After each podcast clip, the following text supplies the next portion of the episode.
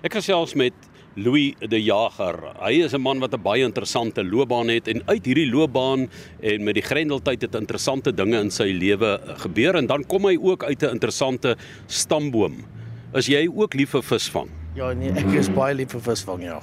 En dis waar die stamboom vandaan kom. Vertel vir ons wie's jou beroemde ouma? Uh Sarah die jaar, die liedjie wat Karika Keuse kom gesing het. Ja, dit's my ouma. Nou eh, Louis, jy werk nie langs die see nie. Jy gooi nie lyne in nie. Jy's onder die water, betrokke in uh baie dele van die wêreld al gewerk. Vertel ons 'n bietjie van hoe jy as 'n duiker na jou vlootopleiding dit 'n loopbaan gemaak het. Ja, nee, so ek het begin as 'n vlootduiker. Na skool is ek reguit vloot toe en van daar af het ek maar begin met kommersieel duik. Ek het eers begin as 'n diamantduiker, bietjie op die Weskus diamante geduik. Van daar af het ek ehm um, civils begin doen in die hawe op al die bote, maar net begin met my civils werk soos prop shines en bote regmaak en van daar af was ek in die olie en gas in. Eers in Saudi-Arabië begin ehm um, werk toe sit Nigerië en uh Cameroen en nou op die oomblik ek weer terug in Saudi-Arabië op die olie en gas, ja. Ons sit op die oomblik in Durbanville waar jy woon en wag nou vir jou volgende vlug om terug te gaan. Maar vertel 'n bietjie vir die Suid-Afrikaners want jy weet ons ken nie olie en gaspypleidings en hoe dit werk nie. Mense hoor nou baie met die oorlog met Rusland en Oekraïne hoe belangrik daardie pypleidings is. Maar ek verstaan daar's 'n hele industrie onder die water waar jy werk. Ja, soos op die oomblik werk ek in Nigerië. Uh die kliënt daar is Aramco. Dit is seker die grootste olie uh, maatskappy in die wêreld. Dis 'n klaar gestigte olieveld. So basies al die well points is klaar geboor en ons doen al die onderhoud daarso. So dit is well points wat geboor is, dan staan so platforms en ehm um, refineries wat op see is en dit word gehardloop deur pyplyne wat van die platforms na die refineries toe gaan. Ons onderhou al hierdie pyplyne uh maak seker hulle is in goeie toestand. As daar enigiets fout is, sal ons dit regmaak. Ons doen baie inspeksie um op die op die platforms ook soos basies die die toestand van dit, die welds van dit sal ons inspek, die cathetic protection, maak seker dit is beskermd dat dit nie corrode en alske goed nie. En dan sal ons ook maar baie keer uh seebed inspeksies doen soos as 'n groot jack-up rig wat moet kom wat moet objects al seker maak die seebed is mooi skoon vir hom. Ja, nee, alle onderhoud op die olieveld self. Op watter diepte praat ons van en wat moet jy oor beskik om so diep te kan duik of is daar verskillende maniere van duik ook? Ja, nee, hoe ons duik, dit is nie scuba duik soos met 'n uh, 'n uh, silinder en 'n uh, DV nie. Uh dis 'n uh, surface supply. So basies ons duik van 'n dynamic positioning vessel, so dit is 'n boot wat op een plek bly wat met satelliete werk. En uh, ons het 'n launch and recovery system waar jy soos 'n ehm um, basket klim en hulle laat sak jou tot op jou diepte wat jy moet werk en jy klim uit en jy het soos basies 'n groot helm op jou kop wat hulle Kirby Morgan noem. Ehm um, daar CCTV kameras op en dit gaan terug na jou dive control toe en jy het 'n supervisor soos wat ek nou op die oomblik is ek se supervisor. Ehm um, ek praat met die duiker, ek werk uit sy sy tyd wat hy onder die bodem kan spandeer ehm um, hoe lank sy deco moet wees, werk ek alles uit vir hom en ek brief hom ook van die tasks wat hy moet doen onder water. Hoe diep is daardie pype onder die water? Dit wissel alles van 3 meter af tot op uh 60 70 meter waar ek werk op die oomblik in die uh Arabiese Golf. Maar waar ek werk, ons geduik met gewone lug wat ons asemhaal 20% suurstof, 80% uh nitrogen. So ons werk tot op 50 meter as 'n mens dieper as dit gaan, dan het ons ook saturation vessels. So die mense bly onder druk vir 28 dae. Hulle het 'n habitat wat hulle op leef en hulle word uh, gesak deur bells wat connect met die habitat tot op die bodem waar hulle moet werk en ehm um, dan sal hulle hulle werk doen, maar hulle werk gewoonlik 28 dae op 'n slag. So hulle bly onder pressure hulle werk op 'n heliox mix. Waar ons met ligduik duik hulle met helium en suurstof. Dis my baie interessant dat hulle vir 28 dae in een in 'n dekompressie omgewing moet leef. So hulle kan nooit 'n normale lewe in daai 28 dae hê nie. Nee, glad nie. So basies sodra hulle begin werk, hulle sal soos twee ouens in die bel wees Hulle sal hulle laat sak tot op die diepte waar hulle moet werk. Die deurtjie sal onder oop gaan. Een ou sal uitklim, een bly in die bel as soos 'n standby. Hy werk so vir 3-4 ure, partykeer 6 ure en dan sal hy terugkom bel toe en dan sal hulle omruil en weer werk. So dan as hulle klaar hulle werk gedoen het, die bel gaan connect weer aan die habitat. Volgende twee duikers klim in en hulle gaan en hulle werk en die ander twee slaap. So basies is maar dieselfde soos enige plek waar jy bly. Daar's 'n bed, daar's 'n toilet, die kos word vir hulle gebring as hulle enigiets nodig het, kry hulle dit, maar dit is nie 'n 'n baie lekker toestand wat hulle in werk. Dis baie bedompig. Kry nie sonlig nie.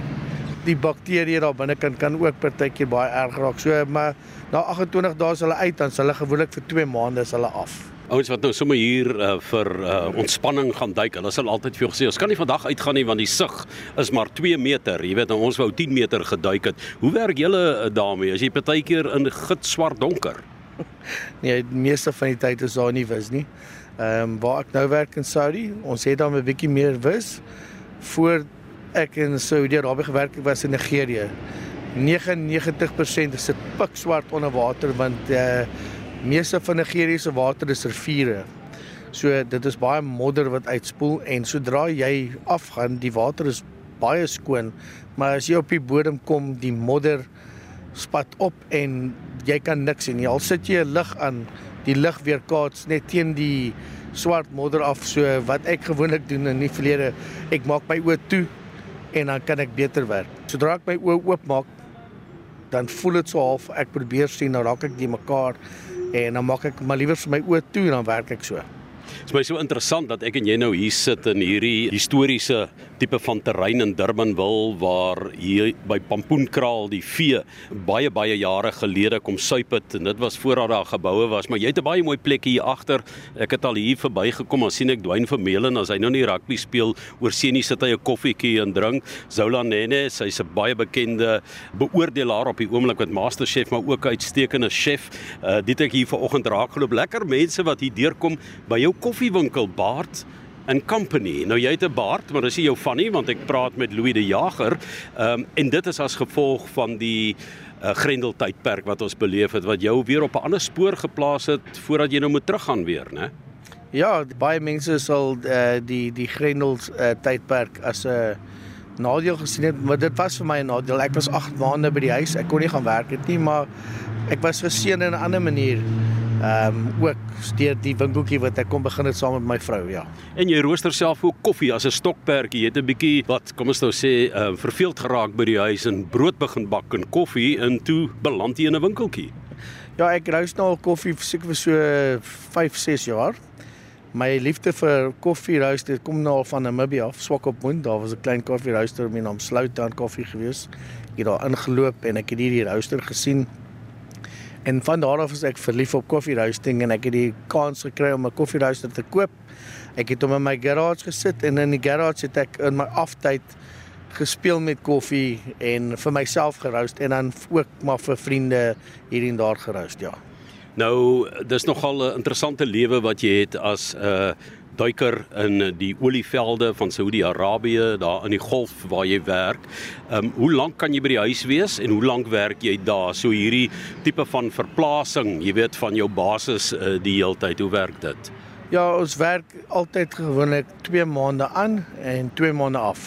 So jy dieselfde tydperk wat jy aan is as jy af. Jy het altyd 'n persoon wat jou kom relief Ehm um, as jy daar is, so basies julle deel die jaar van sê hy 6 maande 'n jaar, ek is 6 maande 'n jaar.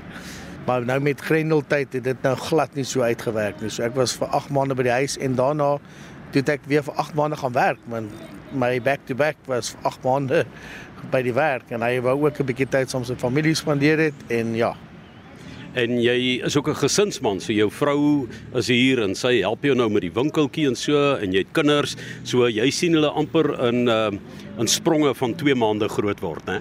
Ja nee, ehm um, ek het 'n vrou, haar naam is Ronel en ek het 'n seun van 6, sy naam is Daniel en 'n dogtertjie van 8, Mila.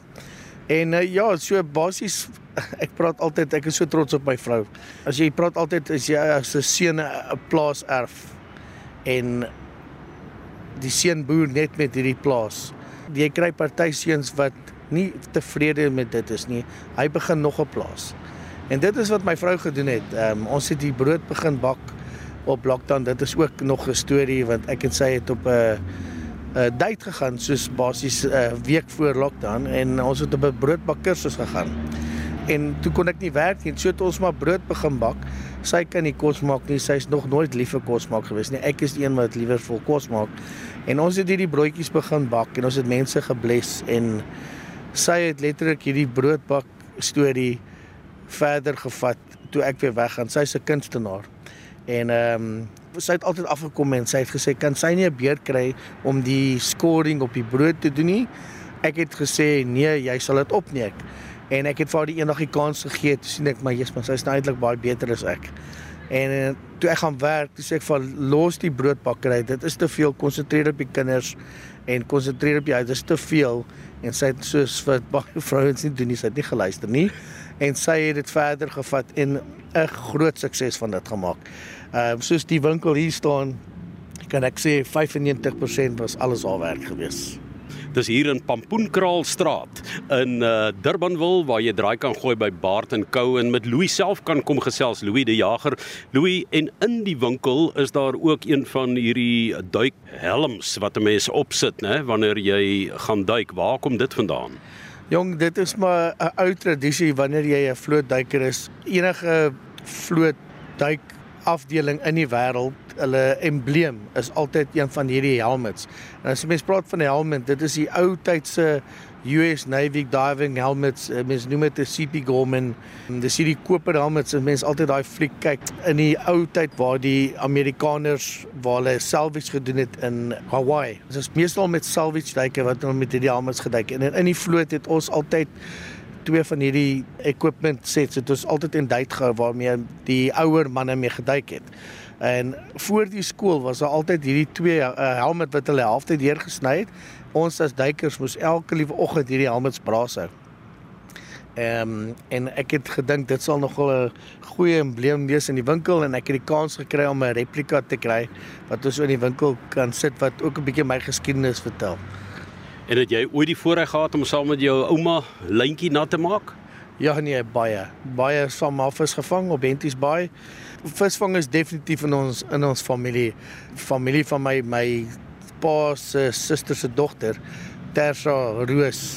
En mens kan haar maar eintlik klein Sarah noem. Bly ook op Henties Bay en sy definitief die visvang gogga gebyt. Sy is verskriklik goed in visvang. Ek het altyd saam met my pa gaan visvang saam met my ouma. Ek het baie stories wat ek kan vertel oor haar. Die klein seun van Sarah de Jaar, dit is Louis de Jager met wie ek gesels en dit hier in Durbanville by Baard en Co by my 61 jaar daar draai jy af en dan vat jy die pad na die see hier lê die visplek van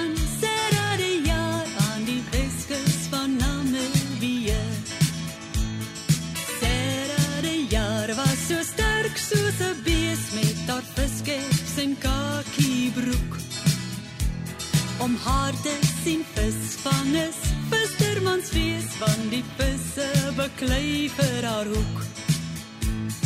Sarah, Sarah, die ja, hierdie visplek van jou is vol vet kabeljou. En die steenbras en galjoene laat by aan die kus noord van Henties Bay. Die manne, die dop en die jou lyf. Die streepsak krap vol maar katrale bly rol en die lyne staan almal styf. Hier is ou Sarah die manne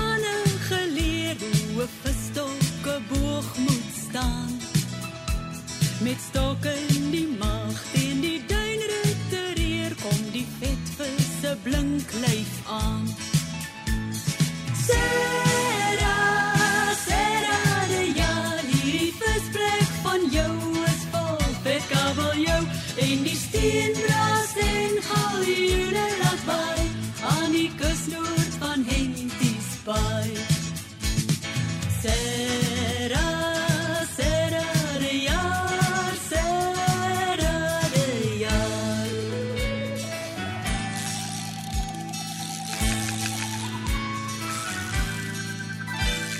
as die son en die branders gaan slaap en die koue sak toe die kus. Dan sit die manne by die vure en gaap en ons spog oor die grootste vis. Maar die jaars voor die hele nag deur in die droom van 'n visserman. Want hier langs die Weskus knievel so sy kan vang.